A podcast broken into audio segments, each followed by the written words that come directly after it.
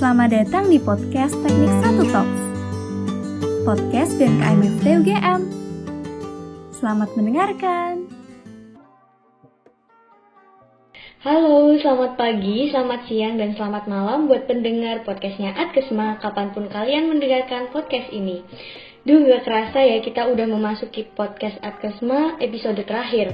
Belum lagi kita sudah memasuki bulan November yang mana menuju akhir semester ganjil. Podcastma sedih nih sebentar lagi bakal pisah dengan teman-teman. Dan aku yakin teman-teman juga pasti sedih berpisah dengan Podcastma kan tapi nih ya, daripada kita bersedih nggak jelas, mending podcast mah bawain bahasan yang bisa berguna buat teman-teman, iya nggak sih? Nah, jadi biasanya di awal semester selalu ada program beasiswa di mana-mana. Maka dari itu, kita dari Adkesma mau bawain podcast mengenai beasiswa agar teman-teman mahasiswa teknik dapat bersiap menyambutnya. Namun, sebelum kita bahas ngalor ngidul perihal beasiswa, nggak enak ya kalau kita nggak kenalan dulu. Jadi, kenalin, halo teman-teman semuanya.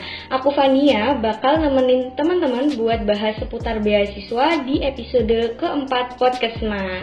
Hai, nah seperti biasanya, aku di sini nggak sendirian karena sekarang aku ditemani sama Mbak Tea dan juga Elang. Mungkin di sini Mbak Tea sama Elang bisa say hi dulu dong. Halo teman-teman semua. semua. Oke, nah sama seperti biasanya, buat yang belum tahu nih ya, terutama mahasiswa baru teknik angkatan 2021, Podcastma itu adalah podcastnya Kementerian Advokasi dan Kesejahteraan Mahasiswa dari BMKM UGM. Podcast kita ini merupakan salah satu bagian dari Teknik Satu Talks yang membahas topik seputar akademik dan kemahasiswaan. Nah, tadi kan sempat ku perkenalkan sekilas ya narasumber kita, tapi kayaknya akan lebih afdol kalau Mbak Tea dan Elang perkenalan sekaligus cerita ini kabar semester ini terutama beberapa minggu terakhir. Boleh nih mungkin dari Mbak Tea dulu lalu dilanjut Elang. Silahkan. Oke, halo. Jadi namaku Aletia Natali Winata, biasa dipanggil Tea dan sekarang aku mahasiswa semester 5 di Teknik Kimia UGM. Nah, kalau masalah kabar semester-semester ini ya, mungkin kayak minggu-minggu terakhir, mungkin lagi hektik-hektiknya sih sekarang. Kayak semester 5 kan udah mulai pening nih. Banyak juga yang harus disiapin untuk penelitian dan juga ada praktikum juga yang lebih advance. Terus pelajarannya juga udah lebih sulit dan banyak PR-nya, ditambah lagi kesibukan lainnya di luar kuliah kayak uh, organisasi atau asisten gitu-gitu sih. Oke, emang udah mulai hektik ya semester 5, semester 3 aja udah hektik. Mungkin ini Elang bisa perkenalan sambil ceritain juga nih Elang. Bener banget, semester 3 hektik banget sih, parah. Oke oke, sebelumnya kenalin semuanya, namaku Elang Satria Larastian, biasa dipanggil Elang. Aku dari program studi perencanaan wilayah dan kota angkatan 2020. Bener banget kata Fania tadi, kalau misalnya semester ini tuh cukup padat, tugas-tugas tuh numpuk makin mepet, uas tuh makin banyak banget belum lagi ada proker-proker himpunan yang masih tetap berjalan kan terus ada juga kalau di PWK tuh ada kegiatan PPM di mana aku juga megang jadi salah satu core acara di situ PPM itu kayak pelatihan perencana muda yang untuk istilahnya kayak mosnya untuk anak-anak baru lah seperti itu Terus juga ada event gamma konkret yang baru aja puncaknya kemarin, jadi sempet hektik parah sih minggu-minggu ini. Oke, emang hektik parah ya, tapi kayaknya Elang nih emang super sibuk sih kelihatannya. Oke deh, makasih banyak buat Mbak Tia dan Elang atas perkenalannya dan terima kasih juga telah menyempatkan diri untuk mengisi podcast hari ini. Nah kalau boleh tahu nih Mbak Tia dan Elang kabarnya gimana? Sehat-sehat kan? Sehat dong. Sehat juga, puji Tuhan. Oke, syukur deh Mbak Tia dan Elang dalam keadaan sehat nih. Pasti juga selalu menerapkan protokol kesehatan ya Mbak Mas ini tuh. Oh iya, teman-teman juga jangan lupa untuk selalu menaati protokol kesehatan ya meski COVID-19 sudah mereda, tapi jangan sampai kita lengah dengan hal tersebut. Nah, ngomong-ngomong nih, Mbak Tia dan Elang tuh sekarang lagi pada di mana sih? Kalau aku sih karena berhubung weekend dan kayaknya lagi waktu luang, jadi aku pulang ke Solo, pulang ke rumah gitu. Oh, di Solo. Oke, kalau Elang? Kalau aku dari Jogja, asli juga Jogja, jadi ya sekarang ada di Jogja sih. oh iya, oke udah vlognya di Jogja terus lah ya Elang. Bener, bener. Kalau Mbak Tia nih berarti uh, ke, kapan ke Jogjanya nih? Oh kalau aku kayaknya sih besok udah ke Jogja lagi sih Soalnya kan emang ini kan semester 5 udah ada praktikum offline Dan juga ada beberapa hal yang harus diurus offline juga Jadi paling ke Solo itu jarang-jarang Jadi lebih sering di Jogja sih Oh iya, soalnya deket juga nggak sih Mbak Solo Jogja, jadinya kayak bisa dilaju ya? Iya bener, tinggal naik KRL doang Tuh Wah, asik banget. Ya ampun, pingin naik KRL juga deh jadinya. BTW, kalau di Jogja itu ngekos atau enggak nih, Mbak? Ngekos, kebetulan ngekos sih. Ah ya, oke, okay, oke okay deh. Oke, kita lanjut lagi kali ya. Nah, tadi kan udah sempat singgung mengenai beasiswa gitu di awal. Nah, perlu teman-teman ketahui nih kalau Mbak Tea dan juga Elang itu salah satu penerima beasiswa. Nah, kalau Mbak Tea ini merupakan salah satu awardee XLFL batch 10. Benar kan ya, Mbak? Iya, benar. Benar banget. Nah, kalau sedangkan Elang itu salah satu penerima beasiswa Tanoto Foundation. Bener nggak sih, Lang? Bener-bener. Oke, okay. nah jadi teman-teman, kedua beasiswa ini nggak sembarangan beasiswa. Nah, keduanya pasti perlu seleksi yang sangat ketat di antara ribuan bahkan puluhan ribu pendaftar. Tapi sebelum itu, boleh deh jelasin sedikit mengenai beasiswa ini. Mungkin dari Uh, karena tadi udah yang pertama Mbak Tea, berarti sekarang Elang dulu nih. Boleh ceritain tentang Tanoto Foundation gimana nih Lang? Oke oke, mungkin aku jelasin secara singkat dulu aja kali ya Van tentang beasiswa yang diadakan oleh Tanoto Tanoto Foundation ini. Fun fact-nya tuh sebenarnya beasiswa ini tuh namanya program beasiswa kepemimpinan teladan. Nah, program teladan itu singkatan apa sih? Teladan itu tuh singkatan dari transformasi edukasi untuk melahirkan pemimpin masa depan. Nah, program teladan ini merupakan salah satu inisiatif dari Tanoto Foundation dalam membangun generasi unggul dan pemimpin masa depan yang tangguh untuk berkontribusi membawa dampak positif untuk Indonesia. Nah, dalam program ini, Tanoto Foundation memberikan dukungan pengembangan kepemimpinan berjenjang dan juga terstruktur, kesempatan pengembangan diri hingga tingkat global, kemudian juga ada pengabdian masyarakat, berbagai sarana kolaborasi dan juga jejaring yang disertai dengan dukungan biaya kuliah dan juga tunjangan biaya hidup. Nah, sasaran program teladan ini adalah mahasiswa semester pertama dari 9 perguruan tinggi mitra Tanoto Foundation, salah satunya adalah UGM. Nah, mahasiswa yang terpilih akan otomatis disebut sebagai Tanoto Scholars dan menjalani perjalanan program teladan selama sekitar 3,5 tahun hingga lulus di semester 8 nanti. Nah, mahasiswa semester pertama yang memiliki prestasi kayak di bidang berbagai bidang, kemudian ada pengalaman organisasi, kemudian juga bisa menunjukkan potensi kepemimpinan yang berintegritas, boleh banget sih buat coba daftar program teladan ini. Itu aja sih, Van. Wih, keren banget sih Lang. Berarti Lang tuh udah ikut Tanoto Tanoto Foundation tuh dari semester 1 ya Lang atau semester 2 Lang? Iya, jadi pendaftarannya tuh di semester 1, terus mulai uh, tanda tangan kontrak dan menerima program kepemimpinannya tuh di semester 2 gitu. Wah, lumayan lama ya. Seleksinya berarti satu semester nggak sih, Lang? Iya, benar. Kurang lebih sekitar 6 bulan seleksinya. Mungkin bisa ceritain sedikit seleksinya tuh gimana sih itu? Waktu itu tuh seleksinya tuh ada lima seleksi kalau nggak salah. Pokoknya dari awal kan ada kayak pengumpulan berkas gitu kan, pengumpulan berkas, terus ada uh, biasalah ada tes psikologi, terus ada tes kayak uh, diskusi wawancara FGD itu pasti ada sih di dalamnya kayak gitu-gitu. Oh, wish keren. Nah sekarang kalau dari XLFL gimana nih Mbak Tia? Boleh dong jelasin dikit gitu tentang beasiswanya. Oke, kalau dari Excel Level sendiri itu sebenarnya Excel Level tuh singkatan dari Excel Asiata Future Leaders ya. Jadi uh, Excel Level ini udah ada uh, 10 batch dan sekarang aku di batch 10-nya yang mana ini tuh program beasiswa kepemimpinan yang ditujukan untuk mahasiswa selama 2 tahun. Nah, mahasiswanya itu ditujukan ke S1 sama D3, eh D4. Nah, di Excel ini tuh ada tiga kurikulum pilarnya gitu. Yang pertama effective communication, terus managing change, sama entrepreneurship and innovation. Nah di Excel ini tuh kita bakal dapetin pelatihan dan pembelajaran yang bener-bener langsung apa ya disampaikan sama yang sudah sangat-sangat um, apa ya bisa kita bilang profesional gitu ya ada fasilitator juga di sana dan juga udah ada kurikulum dari Excel Level sendiri yang setiap tahunnya setiap batchnya itu dikembangkan gitu untuk melahirkan pemimpin-pemimpin di Indonesia. Nah, di Excel level tuh bakal dapat uh, berbagai benefit yang mana yang menurutku paling berpengaruh adalah di workshop sama mentoring dan juga pelatihan-pelatihan lainnya yang benar-benar ngebentuk kita gitu untuk menjadi pemimpin-pemimpin di Indonesia gitu. Bukan pemimpin harus jadi seorang pemimpin ya tapi berjiwa kepemimpinan gitu. Dan juga di samping itu ada penunjang-penunjang lainnya dari Excel itu sendiri kayak berupa setiap batchnya tuh beda-beda sih sebenarnya ada yang dikasih media berupa laptop atau gadget gitu sih lebih ke situ dan Excel level tuh sangat apa ya menurutku sangat berpengaruh sih bagi setiap individunya gitu.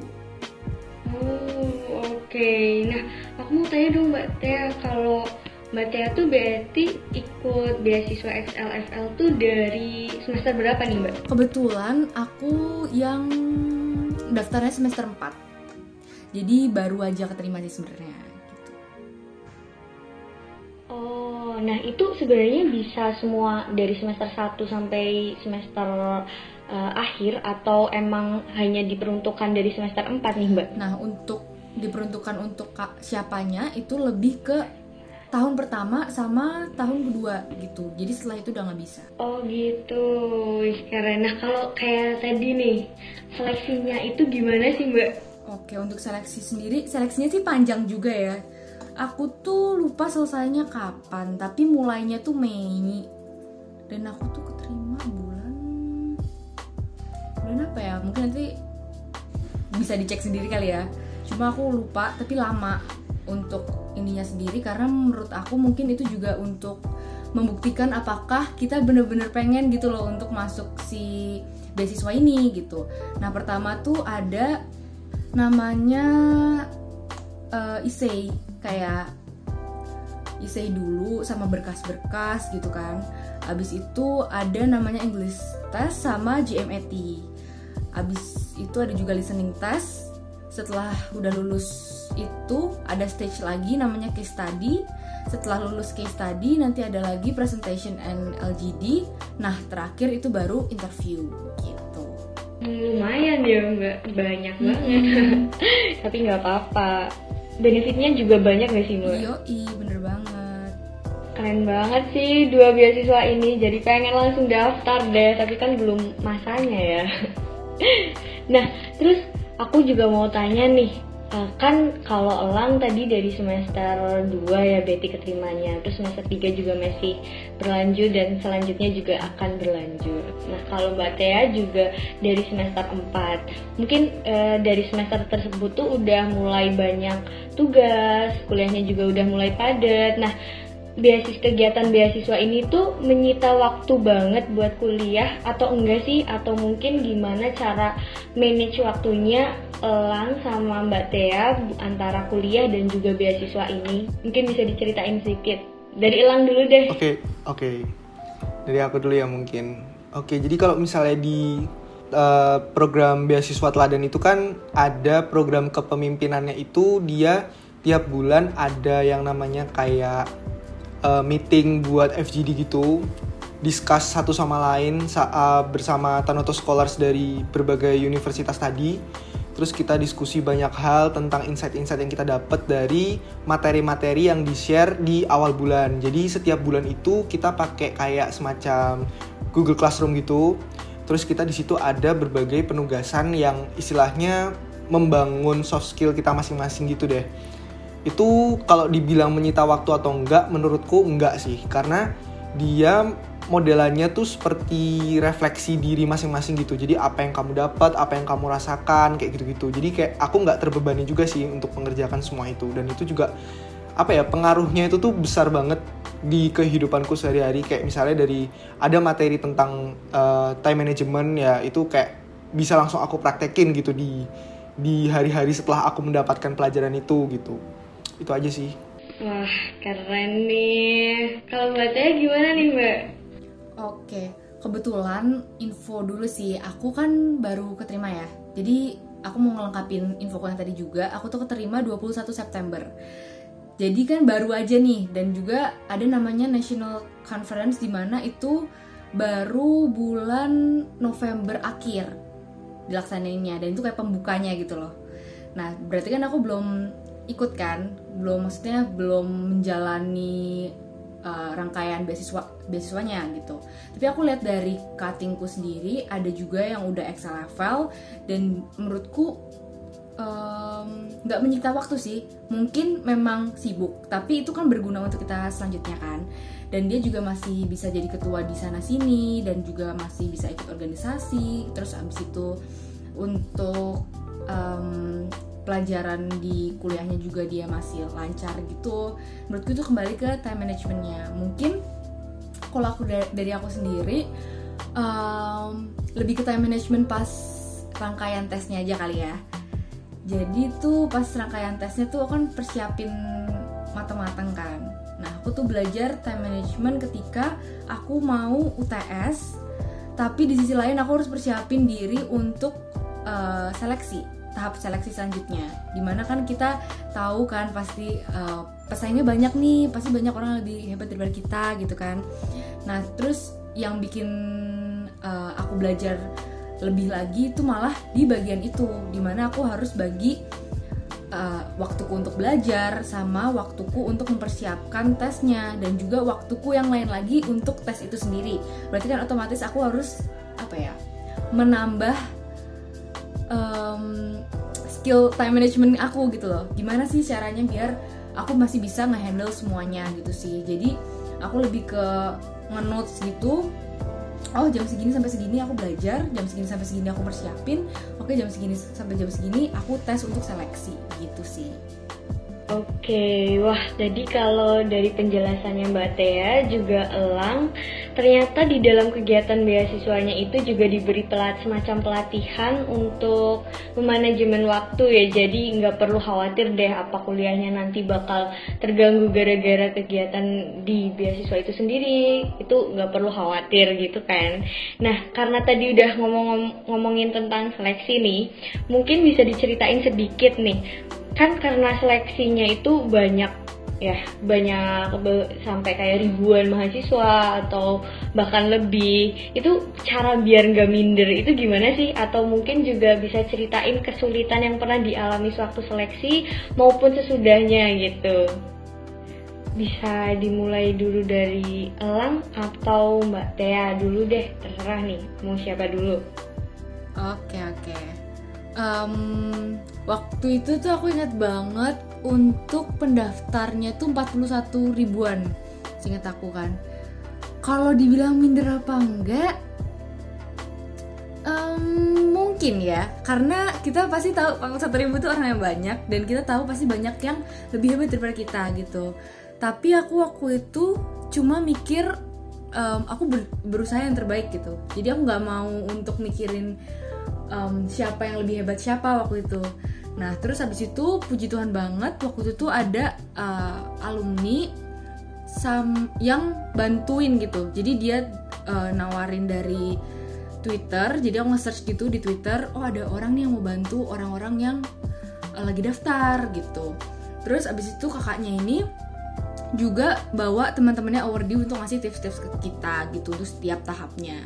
Itu ngebantu aku banget sih dari persiapan dan segala macamnya. Dan kalau dibilang minder apa enggaknya uh, mungkin ada waktunya aku minder ya. Kayak aduh kalau nggak keterima gimana ya? Nah tapi menurutku rasa kayak gitu tuh kadang dibutuhkan walaupun harus dikontrol banyak kurangnya gitu loh.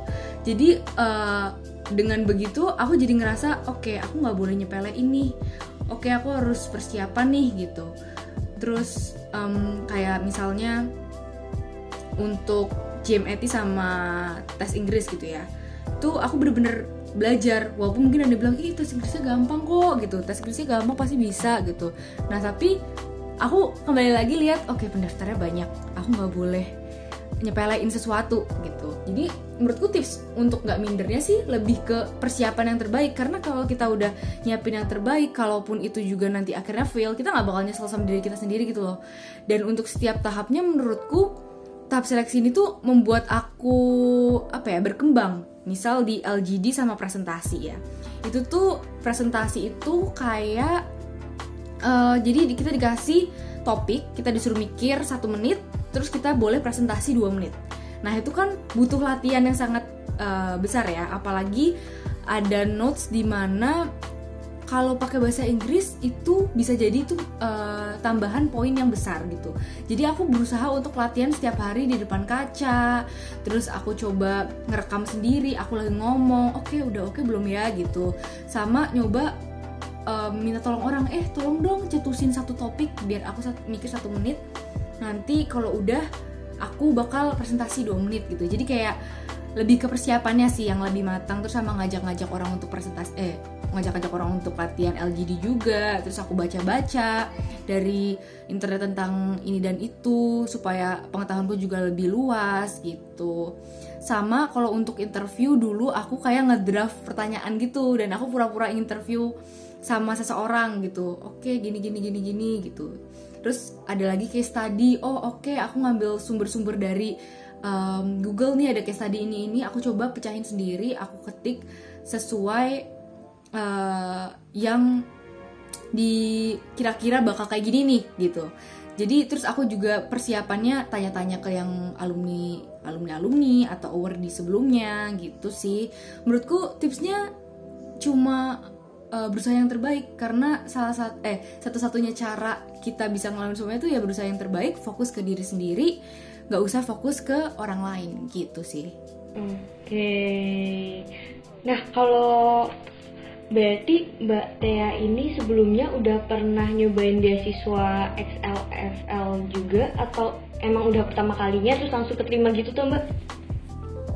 Kalau aku sih puji Tuhan ini first try, jadi aku baru nyoba pas memang tahun kedua sih. Terus puji Tuhannya keterima gitu. Keren banget. Oh ya Mbak Tia, ini tadi interviewnya itu berarti dalam bahasa Inggris atau bahasa Indonesia juga diperbolehkan sih Mbak? Oke, kalau yang pas zamanku itu sebenarnya bahasa Indonesia diperbolehkan, tapi waktu itu tuh uh, penilainya itu bilang saya nggak mau campur-campur, jadi nggak mau bahasa Indonesia campur bahasa Inggris gitu nggak boleh. Jadi salah satu aja gitu. Tapi kalau dari aku nanya-nanya awardi terus nanya-nanya alumni juga waktu itu tuh tentunya bahasa Inggris tuh bakal jadi nilai penambah katanya gitu. Kalau secara dipikir ya gitu sih. Oh gitu toh. Oh iya oke. Okay. tapi bener sih emang kalau campur-campur tuh kayak lebih gimana gitu mending satu bahasa aja dari awal sampai akhir ya gitu nggak sih mbak lebih enak iya, juga bener Iya, oke. Okay. Nah, giliran Lang nih, gimana nih Lang? Bisa diceritain dulu biar gak minder ikut Tanoto Foundation pas seleksi dan kesulitan yang mungkin pernah dialami atau mungkin Elang sebelum nyobain pertama kali itu pernah gagal ternyata. Terus gimana cara ngatasinnya nih Elang? Oke, Fania. Jadi kalau misalnya dibilang gagal tuh puji Tuhan belum pernah karena ini juga pertama kalinya aku coba-coba ikut beasiswa dan puji Tuhan langsung bisa keterima dan lolos. Tapi ini uh, aku setuju sama Kak uh, Tea tadi rasa pesimis itu ada banget sih di aku waktu dulu pertama kali mau coba karena aku bener-bener tidak bahkan kayak menerima beasiswa ikut beasiswa tuh bukan menjadi targetku saat SMA untuk memasuki kuliah gitu loh.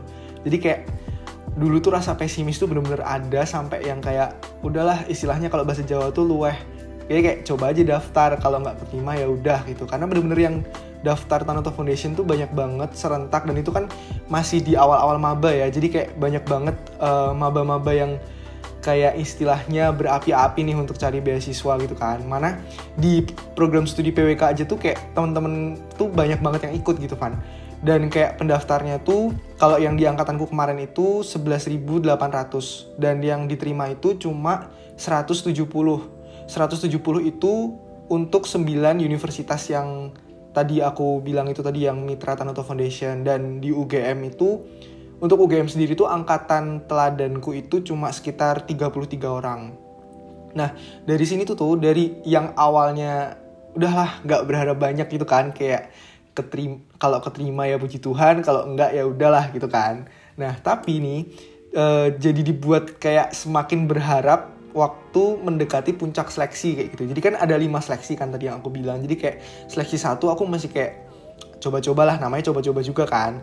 Terus lanjut lolos seleksi satu lanjut ke seleksi dua. Terus kok lolos lagi nih? Puji Tuhan lagi. Maksudnya bukan bukan kok lolos lagi ya tapi maksudnya kayak puji Tuhan gitu kan bisa lolos. Terus lanjutlah sampai ke seleksi nomor tiga. Nah di sini nih aku mulai kayak terbukakan gitu pikirannya kayak oh mungkin ini emang jalan Tuhan nih buat uh, apa namanya perjalanan kuliahku nanti ke depan gitu kan. Nah terus dari sini aku jadi kayak mulai untuk mempersiapkan semuanya bener-bener aku persiapkan karena yang ya itu tadi yang aku bilang tadi yang awalnya luweh jadi kayak uh kok aku lolos terus nih? Jangan-jangan ini nih jalannya gitu. Beda sama kak Tia tadi ya mungkin udah nyiapin dari awal kalau aku justru enggak gitu. Ini mindset yang salah ya guys. Jadi aku mau disclaimer dulu ini adalah mindset yang kurang tepat. Harusnya adalah kalian tuh berani aja buat daftar udah bener kata Kak Tia tadi nggak usah ngelihat orang lain mau gimana. Kalian percaya diri aja sama diri kalian sendiri karena setiap orang itu punya kelebihannya masing-masing. Pesimis itu justru membuat kita tuh menyerah sebelum berperang. Kayak aku tadi di awal kan kayak udah aku kayak maju seadanya mati ya udah kalau lolos ya puji Tuhan gitu kalau masih hidup. Kayak gitulah istilahnya kalau dalam perang. Itu sih kan sejauh ini. Oke. Nah dapet pesan sih dari Elang dan juga Mbak Tia kalau mau daftar beasiswa tuh udah daftar aja optimis dan well prepare sih kalau bisa gitu. Tapi kayaknya bisa kalau kita niat deh gitu. Nah tapi sebenarnya e, perlu diketahui nih untuk teman-teman bahwa beasiswa di UGM itu tidak hanya dua itu juga, tapi ada yang lainnya, ada yang beasiswa asrama UGM, beasiswa rumah kepemimpinan, dan masih banyak lagi yang biasanya ditawarkan di Simaster. Tapi di samping itu, dulu waktu pertama kali cari info beasiswa, Elang sama Mbak Tia itu dapatnya dari mana sih? Mungkin dari Elang dulu deh, tadi kan udah Mbak Tia gantian gitu. Oke oke mungkin kalau aku dulu tuh dapat dari Instagram ya.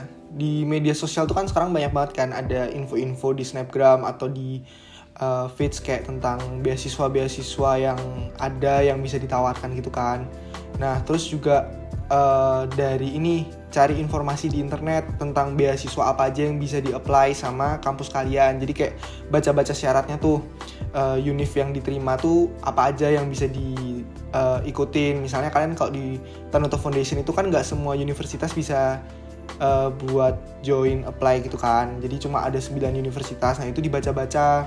Terus kayak syarat semesternya juga kayak Tanoto Foundation kan hanya bisa diperuntuk ya, maksudnya diperuntukkan untuk yang uh, semester 1 semester 2 gitu kan. Nah terus untuk syarat nilai dan semacamnya itu harus dibaca teliti sih. Terus nanti setelah udah cari di internet nih bisa langsung mengunjungi web resminya gitu buat cari info lebih detail tentang kapan pendaftarannya dan lain sebagainya. Nah, kalau misalnya yang relate nih, yang relate sama aku kemarin itu dari temen guys. Jujur ini paling relate yang aku rasain janjian aja kayak cari beasiswa bareng sama teman-teman gitu kan. Dan itu nanti bakal membantu banget buat kalian saling sharing kayak oh ada beasiswa ini nih kamu daftar nggak? Ayo ayo ayo join join join kayak gitu. Nah aku juga kemarin dari situ juga tahu Tanoto Foundation dari awalnya dari teman teman SMA kayak ngajakin eh lang ada beasiswa nih kamu mau join nggak? Gitu kan. Terus yang aku bilang tadi tuh aku tidak berekspek buat ikut beasiswa kan. Terus kayak yaudah deh coba aja join gitu. Terus akhirnya puji Tuhan bisa jadi bagian Tanoto Scholars teladan angkatan ini gitu Van. Wih, oke. Okay. Kalau dari Mbak Tia gimana nih Mbak?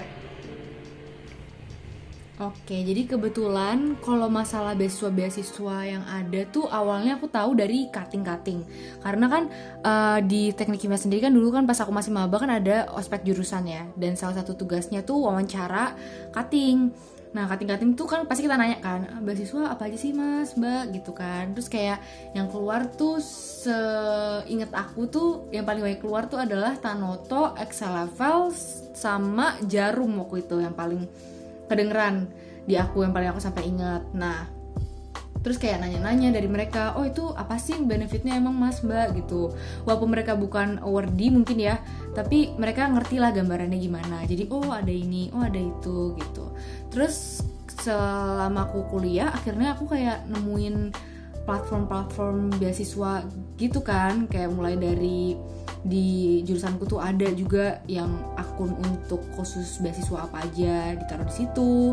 Terus di Instagram aku nemu kayak yang beasiswa mahasiswa kayak gitu gitu loh. Itu tuh kan ada juga dan aku juga um, follow gitu. Jadi nanti bakal ada info-info ter terkait beasiswa apa pun itu.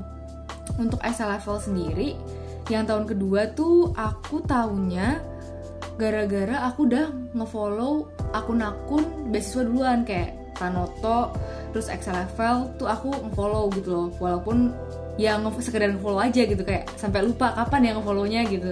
Terus tiba-tiba muncul gitu di um, apa namanya di Instagram. Oh buka nih gitu. Jadi aku taunya dari situ-situ sih. Instagram sih mostly tapi sekarang. Oke, emang sekarang tuh Instagram kayak gampang banget cari informasi dari situ nggak sih mbak? Apalagi buat mahasiswa magang, buat beasiswa juga dan yang lainnya juga banyak. Oke, nah kalau tadi kan udah sempat disinggung tuh tentang seleksi gitu kan, Elang sama Mbak Tia udah cerita dikit-dikit dan ada sempat Eh, disebutkan juga itu syarat prestasi gitu. Menurut Mbak Tia sama Elang, kira-kira apa sih yang perlu diutamain dalam hal kayak pelengkap CV agar beasiswanya itu bisa dilirik gitu? Mungkin dari Mbak Tia dulu deh. Oke, kalau Excel level itu untuk syaratnya, seingat aku itu lebih ke yang simpel-simpel sih kayak mahasiswa D4 atau S1 aktif perguruan tinggi yang sedang menempuh semester 2 sampai 4. Terus abis itu kalau jurusan tuh terbuka untuk semua jurusan. Terus usia maksimal seingat aku 21 tahun dan untuk minimal IPK-nya tuh 2,8 dan syarat terakhir itu aktif organisasi. Seingat gitu. Tapi kalau untuk CV kebetulan di awal itu yang pas berkas itu nggak ada yang kayak masukin CV gitu nggak sih. Cuma kayak ditanyain tentang uh, kamu tuh uh, organisasinya apa terus abis itu dampak yang kamu bikin di organisasi itu apa dan kayak lebih ke dimasukin ke isi-isinya juga gitu loh. Terus ditanyain juga kamu lagi ngambil beasiswa yang lain apa enggak gitu. Untuk CV sendiri itu kalau untuk Excel level nggak ditaruh dari awal. Jadi begitu udah selesai uh, tahap ke ke berapa ya itu? Tuh udah mau menuju tahap ke akhir. Mau masuk ke tahap paling terakhir tuh yang interview stage itu baru kita disuruh bikin CV nah kalau misalnya ditanya apa sih yang paling ini dari CV-nya gitu. Hal-hal yang mungkin diperhatikan gitu ya kalau menurut aku sih kok dari tips-tips yang aku dengar yang pertama tuh masukin um, yang memang berhubungan sama beasiswanya. Misal beasiswanya tuh apa sih? Oh beasiswanya leadership nih. Oke aku masukin yang ada hubungan sama leadership. Gak harus jadi leader tapi uh, menunjukkan sisi leadershipnya kita gitu. Terus uh, kayak menunjukkan achievementnya kita bukan hanya job desknya aja yang ada di CV itu gitu.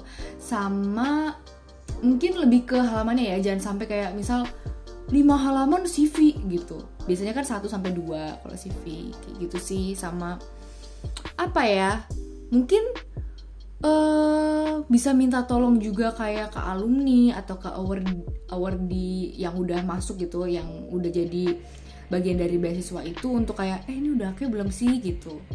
Lebih ke situ sih kalau aku Oh, berarti kayak uh, ikut organisasi kayak gitu juga termasuk salah satu hal yang dilirik uh, oleh pihak pihak dari XLFL-nya ya, Mbak? Iya sih, untuk uh, apa ya lebih menurutku sih karena kan kalau misalnya kita punya pengalaman organisasi juga di CV juga kita bisa ngasih lihat nih oh ini loh aku tuh ngelakuin pernah ngelakuin ini pernah ngasih impact ini gitu. Dan juga bisa jadi menggambarkan oh kira-kira kenapa sih aku masuk SL level gitu sih. Oke, nah mungkin kalau dari Elang gimana nih Lang? Oke, jadi kalau misalnya dulu waktu pendaftaran program teladan itu nggak diminta CV sih. Kalau yang aku inget ya, waktu pertama kali daftar itu cuma diminta kayak nilai-nilai rapot dan semacamnya seperti itu. Terus juga syarat-syarat pendaftarannya sendiri juga simple, sama kayak beasiswa tadi dari KTA. Yang penting ada dari warga negara Indonesia, terus terdaftar sebagai salah satu mahasiswa reguler semester pertama di salah satu perguruan tinggi Mitra Tanoto Foundation. Terus punya nilai rapot dari minimal skala 8 dari skala 10 dan punya prestasi non akademik ataupun pengalaman organisasi dan semacamnya.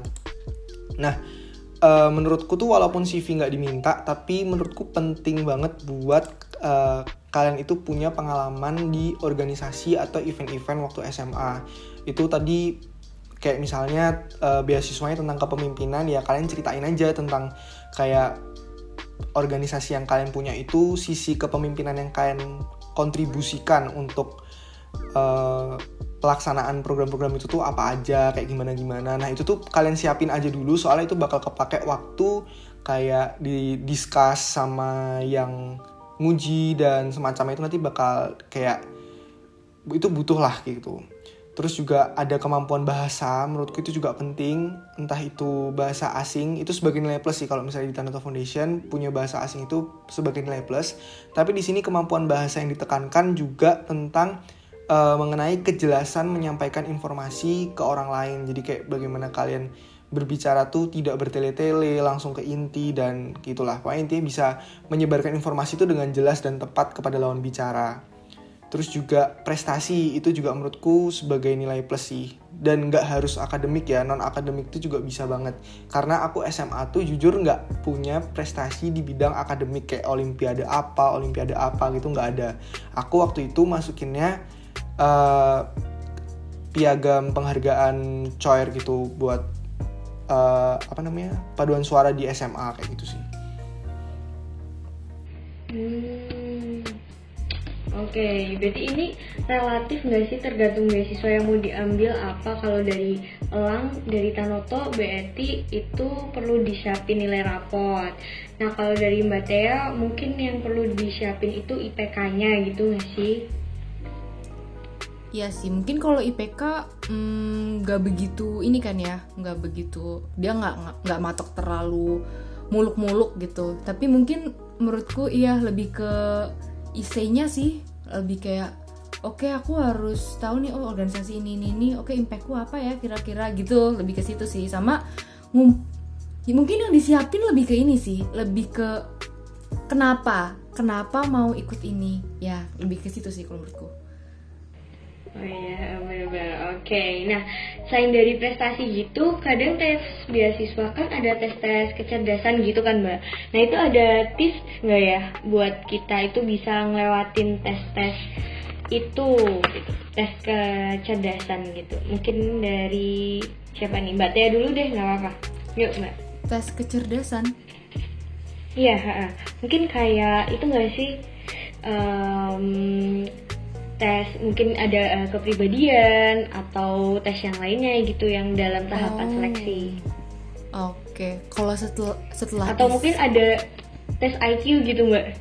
Oh, oke oke. Okay. Yeah. Setelah setelah IC itu ada tes GMAT sama tes Inggris kan ya? Kalau ini tips-tipsnya ya? Iya. Kalau tips-tipsnya tuh ini dalam lingkup SLFL ya. Kalau GMAT itu aku bener-bener gak tahu harus belajar dari mana karena menurutku GMAT-nya si Excel level itu agak beda sama GMAT yang aku temuin di mm, internet internet tapi mungkin tetap bisa dipakai sih untuk kita apa ya lebih manasin otak lah gitu. Terus um, untuk Inggrisnya itu belajar TOEFL. Aku aku kemarin tuh belajarnya lewat uh, buku TOEFL sama sebenarnya sih kalau dari alumni sama Wardi tuh bilang lebih ke UN SMA tuh udah oke okay banget. Kalau misalnya kalian UN SMA-nya lancar harusnya di sini bisa lancar gitu. Terus untuk tes selanjutnya tuh kan listening test ya. Kalau listening test sendiri tuh hmm, menurutku lebih ke apa ya trik untuk menangkap informasi dari suatu apa ya kayak informasi lah. Jadi kayak nanti ada suatu VN gitu lebih ke apa ya recording lah recording terus kita dengerin kayak podcast gitulah semacam podcast kita dengerin dan nanti kita jawab pertanyaan. Nah menurutku tuh gimana triknya kalian supaya waktu yang disediakan itu bisa untuk digunakan mendengarkan dan uh, menulis jawaban dengan tepat gitu. Lebih ke situ sih. Terus selanjutnya tuh case study kan. Itu masuk tes kecerdasan ya? Tapi kalau case study tuh lebih ke ya nanti ada kasus kalian harus berusaha memecahkan dan tidak dengan solusi yang biasa aja gitu. Dan itu tuh perlu latihan menurutku. Kalau itu lebih ke latihan aja sih. Misal kalian ngambil dari Google kayak yang tadi aku bilang ngambil dari Google kasus-kasus case study gitu. Atau kalian ngecetusin sendiri sendiri aja di otak oh coba ya misal bikin-bikin cerita sendiri gitu. Uh, misal aku punya rekan kerja terus rekan kerjaku begini terus dia tiba-tiba sak ibunya sakit nih. Terus abis itu um, jadinya terhambat setim. Kira-kira aku sebagai leader tim ini bakal melakukan apa ya? Supaya orang ini bisa tetap bekerja tapi bisa ngerawat ibunya tapi juga timnya nggak iri. Nah lebih ke situ sih. Jadi kayak lebih kelatihan aja kalau menurut aku Hmm, oke. Okay. Berarti juga kayak uh, sebisa mungkin menempatkan diri uh, jadi uh, orang yang ada di soal itu gitu nggak sih mbak? Betul banget.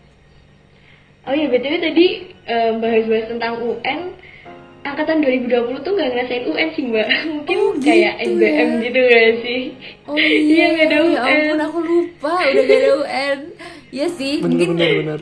mungkin lebih ke SBM kali ya. SBM juga menurutku lebih susah gak sih daripada UN Inggrisnya. Jadi tuh menurutku cukup sih. Iya benar-benar itu kayak tingkat kesulitannya bisa lah disamain malah lebih tinggi gitu. Iya, bisa Kalau dari Elang gimana Lang?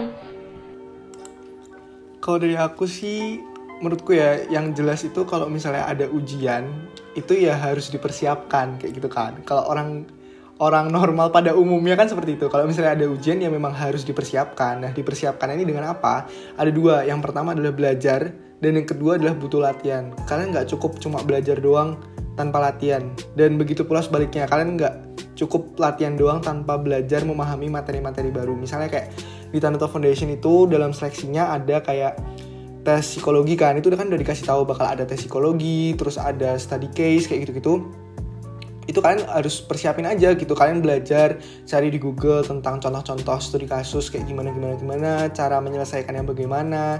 Terus juga latihan latihan-latihan kalian coba aja cari soal-soal psikologi tes. Itu kan banyak kan yang gratis di internet. Itu kalian coba aja kayak gitu. Kalian kalian bisa nilai diri kalian sendiri kalian kemampuannya sudah sampai mana nih di sini. Jadi kayak istilahnya kalian maju perang itu tuh nggak modal tangan kosong gitu. Udah ada senjata yang kalian pegang gitu. Terus yang kedua nih saran dari aku tuh jangan nervous saat ujian. Jadi kayak dibawa santai aja sebisa mungkin dibawa santai. Tuh. Terus yang ketiga itu menurutku junjung tinggi tentang kejujuran diri. Biasanya buat jawab uh, psikotes psikotes gitu itu butuh kayak kalian jujur aja apa yang kalian rasain apa yang kalian alamin waktu ditanya-tanyain di soal-soal itu. Terus juga jangan ini sih waktu menurutku ya dalam proses seleksi itu jangan coba-coba buat curang. Karena kayak apa ya kejujuran tuh dan integritas tuh nomor satu lah untuk beasiswa. Khususnya di Tanoto Foundation ya. Itu juga banyak seleksi yang dia tuh tuh harus on cam dan sebagai macamnya kayak gitu. Jadi menurutku ya nggak usah coba-coba aja. Kerjain sebisa mungkin semaksimal mungkin. Dan senjata yang kalian pegang tuh ya itu tadi. Persiapan dari belajar dan juga latihan yang kalian udah laksanain sebelumnya terus juga kalian tuh harus ngerjain di tempat yang bener-bener kondusif menurutku. Pastiin kalau misalnya online ya yang aku alamin kemarin itu kan bener-bener harus nyiapin wifi yang bagus sinyal yang bagus maksudnya. Terus tempat yang tenang buat konsentrasi kalian gitu dalam mengerjakan berbagai soal-soal yang ditanyakan. Terus yang terakhir nih butuh banget kalian buat berdoa. Terus minta restu sama orang tua. Udah sih itu penting banget guys. Nih bener banget sih lang yang terakhir itu. Kalau tanpa itu kayaknya agak susah ya melawan iya, restu gitu. Asik. Nah mungkin kayak kalau disimpulin tuh bisa kita harus nyiapin well prepare dan juga praktis. Pokoknya intinya itu dua itu. Nah mungkin tips ujian beasiswanya ini udah keren banget sih beneran deh. Nah tapi beralih deh dari itu, aku juga penasaran dan mungkin teman-teman yang lain juga bakal penasaran. Kalau misal nih di perjalanan ada beberapa syarat beasiswa yang tidak terpenuhi, gimana ya kan? Ada kayak syarat IPK per semester, IP per semester itu harus berapa. Nah ternyata IP kita nggak memenuhi syarat minimum gitu. Nah itu selanjutnya gimana ya? Oke oke. Jadi kalau misalnya di program teladan itu kan kita ikut jadi Tanoto Scholars itu kan berarti selama berapa ya? Dari semester 2 nyampe semester 8 ya kan. Berarti ada sekitar ada sekitar 7 apa namanya tujuh semester yang harus kita lalui kan. Dan itu waktu kontrak tanda tangan kontrak di awal itu udah disebutin bahwa harus ada IPK yang kita jaga nilainya. Itu ya aku sebutin aja ya. Jadi IPK standar yang harus dijaga itu sebesar 3,25 jadi para Thanatos Scholars itu selain harus mengerjakan kepemimpinan eh, program-program kepemimpinan teladan kita juga harus menjaga uh, eh, IPK kita. Dan tadi pertanyaannya kan kalau gagal di tengah-tengah gimana nih gitu kan. Nah, kalau di Toronto Foundation sendiri, kalau misalnya nilai kita itu ada di bawah 3,25 itu mungkin nanti akan dapat eh, SP1 semacam kayak surat peringatan satu nggak surat peringatan juga sih kayak pokoknya kayak nanti ada kayak ada bimbingan khusus nanti bakal ditanyain kenapa kok bisa kayak gini gini gini terus mungkin nanti juga dikasih solusi-solusi juga biar bisa meningkat nilainya kayak gitu. Dan itu masih istilahnya kayak dimaafkan lah untuk sekali seperti itu. Terus tapi nanti kalau misalnya yang udah kedua kali dan dia berturut-turut posisinya misalnya nih misalnya ya dari semester 2 terus semester 3 nilainya uh, di bawah 3,25 nah itu uh, dengan berberat hati kontraknya akan dicabut. Tapi kalau misalnya ini setauku ya sejauh ini, setauku sejauh ini, tapi kalau misalnya ada dua yang kurang tercapai nilai IPK standar tadi tapi ada jarak misalnya di semester 2 dan semester 6 misalnya itu masih nggak apa-apa kayak gitu. Hmm, gitu ya agak perlu mempertahankan IP pokoknya kalau ikut uh, beasiswa tapi juga kayaknya kalau dari segi Tanoto itu uh, mereka juga membantu kita nggak sih untuk mempertahankan IP kita gitu pada semester itu bener banget. Kan ada program-program kepemimpinan tadi kan ada pelajaran soft skill kan kayak time management habis itu ada mengelola emosi dan masih banyak lagi yang itu tuh benar-benar bisa diterapin dan menurutku nggak akan deh sampai kalian bisa dapat kurang IPK-nya dari situ. Gitu sih. Eh oke okay. keren banget sih lang.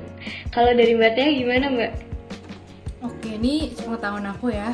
Asal level tuh nggak ada nggak ada ininya sih maksudnya nggak ada yang batasan IPK kamu harus segini terus kalau ini dicabut tuh sepengetahuan aku nggak ada. Cuma aku kan kemarin ada kayak orientasi level gitu. Dan aku notice kalau uh, ternyata tuh banyak ya maksudnya penerima level yang mungkin um, setelah keterima tuh komitnya kurang gitu. Misal pas orientasi kok dia nggak datang? Padahal um, apa ya itu diwajibkan misal kayak gitu. Dan itu tuh dari fasilitatornya sendiri juga bilang kalau uh, kursi kalian itu bisa digantikan orang lain gitu loh. Jadi katanya misal nih kan yang keterima di batch ini 190 ya. Nah itu tuh dia udah ada rankingnya sendiri. Jadi ada ada 10 lagi nih yang sebenarnya tuh dia mau naikin tapi oke okay, ini secara tipis-tipis akhirnya dia gak terima gitu. Nah 10 orang ini tadi bisa aja gantiin kamu kalau misalnya kamu misal uh, udah di email tapi kalian responnya nggak ada terus abis itu nggak ikut orientasi tapi nggak ada kemauan untuk ngomong nggak nggak datang tapi nggak ngomong dulu nggak nginfoin nggak menunjukkan apa ya. Istilahnya kayak kok di ghosting gitu kan. Jadi itu bisa digantikan kalau sepenangkapanku dari kakaknya kemarin bilang. Lebih ke komitmennya sih kalau uh, yang aku tahu. Tapi kalau misalnya syarat tentang IPK-nya itu menurutku eh sepengetahuanku nggak ada gitu. Oke, deh jelas banget gak sih penjelasan dari Elang dan Mbak Tea ini. Nah, ternyata nggak kerasa sih ini udah banyak banget gak sih yang udah kita obrolin dari A sampai Z mungkin udah dibahas semua. Dan banyak banget hal yang udah di, bisa kita dapetin dari dua narasumber kecenan keren kita ini. Asik.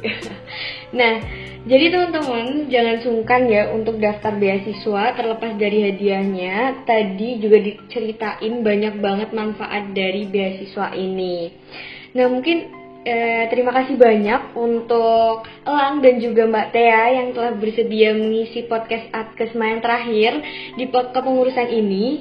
Senang banget sih berkat sharing ini, mungkin kayak keberanianku itu muncul untuk daftar beasiswa lagi. Semoga deh aku punya kesempatan dan teman-teman yang lainnya juga punya kesempatan buat bisa dapat beasiswa kayak Mbak Tea dan juga Elang. Nah, karena waktunya terbatas dan kalau kita lanjutin bisa sampai seharian penuh ngomongin beasiswa, mungkin teman-teman teknik yang masih kepo sama Mbak Tia dan Elang, boleh nggak nih aku minta sosial medianya, boleh IG atau LinkedIn gitu biar bisa berbincang lebih lanjut gitu. Dari Mbak Tia dulu mungkin Mbak. Oke, boleh banget sih untuk LinkedIn-ku bisa dicari mungkin ya Aletea Natali Winata dan untuk IG ku ada di Aletea Nat A L E T H E A N A T H gitu. Oke, bisa dicatat nih ya teman-teman. Mungkin sekarang Elang nih, Lang. Dari Oke, mana oke. kita bisa menghubungi kamu? Oke. Oke, mungkin bisa cek aja di Instagram elang underscore satria A-nya dua ya, elang underscore satria A tambahin satu. Udah situ aja. Mungkin kalau LinkedIn aku belum terlalu ini sih, belum terlalu banyak mengulas di LinkedIn. Jadi dari Instagram aja mungkin. Oke, nah dicatat nih ya dua narasumber kita eh, media media sosialnya. Nah, oke, terima kasih untuk Elang dan Mbak Tea karena telah meluangkan waktunya untuk hari ini. Sebelum benar-benar ditutup nih, dari Mbak Tea dan Elang, boleh nih ngasih closing statement dulu buat teman-teman yang lagi dengerin. Dari Elang dulu deh. Oke oke. Mungkin closing statement dari aku ini sih, jangan pernah takut buat melakukan apa pun, termasuk buat coba daftar beasiswa nih dari pengalamanku tadi yang udah aku ceritain. Gak usah denger kata orang, terabas aja. Istilahnya terabas tuh kayak lakuin aja gitu, maju aja terus sesuai dirimu sendiri. Terus berdoa, berdoa, lakukan bagianmu untuk ikut seleksi dengan sepenuh hati, kerja keras, optimal, dan nanti hasilnya itu serahin aja ke Tuhan. Pasti nanti hasilnya akan mantap. Itu. Oke, mantap. Terabas terus gitu ya. Yoi. Yoi, oke untuk Mbak Tia nih Mbak, closing statementnya apa nih Mbak? Silahkan Oke, kalau dari aku mungkin aku eh, mau ngasih tahu aja kesempatan itu lebih baik untuk diambil, jangan untuk ditinggalkan hanya karena takut. Karena kita lebih mending untuk nyoba terus gagal daripada kita menyesal karena kita nggak nyoba gitu. Dan misalnya nih eh, sebelum-sebelumnya kalian pernah gagal atau sebelum-sebelumnya aduh kok aku ngelewatin kesempatan A B C D. Itu ya udah bangkit lagi aja, terus coba lagi dan bener kata Elang doa ke Tuhan terus berusaha yang terbaik dan serahkan sisanya ke Tuhan yang penting kalian udah berusaha kalian udah terus bangkit eh, untuk diri kalian sendiri juga gitu dan do your best aja gitu. Nggak usah ngelihat yang lain. Yang lain keren banget aku kok kayak gini doang. Nggak usah kayak gitu karena semua orang punya jalannya masing-masing gitu. Oke, wah keren banget sih closing statementnya. Nah, karena udah sampai ke penghujung nih dan juga tadi udah dapetin informa- informasi yang banyak banget dari perbincangan kita hari ini yang mungkin berhasil memotivasi teman-teman agar lebih berani mencoba ke eh, kesempatan beasiswa itu mungkin yang bisa aku dapetin juga buat teman-teman yang pingin bisa ikutin ikutan beasiswa silahkan jangan ragu-ragu buat daftar and give your best seperti yang udah dikatakan sama Mbak Tia dan juga Elang. Karena kesempatan beasiswa kayak gini tuh sangat langka dan kesempatan itu gak selalu datang untuk kedua kalinya nih.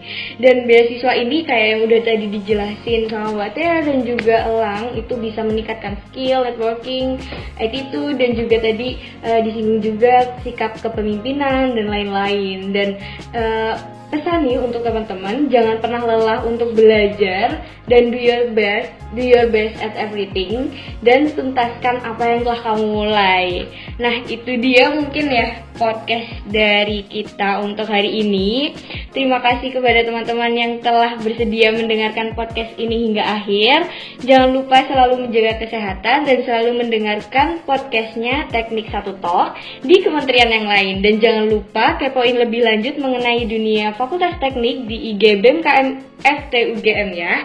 Jangan lupa jaga kesehatan dan sampai jumpa di lain kesempatan. Dadah.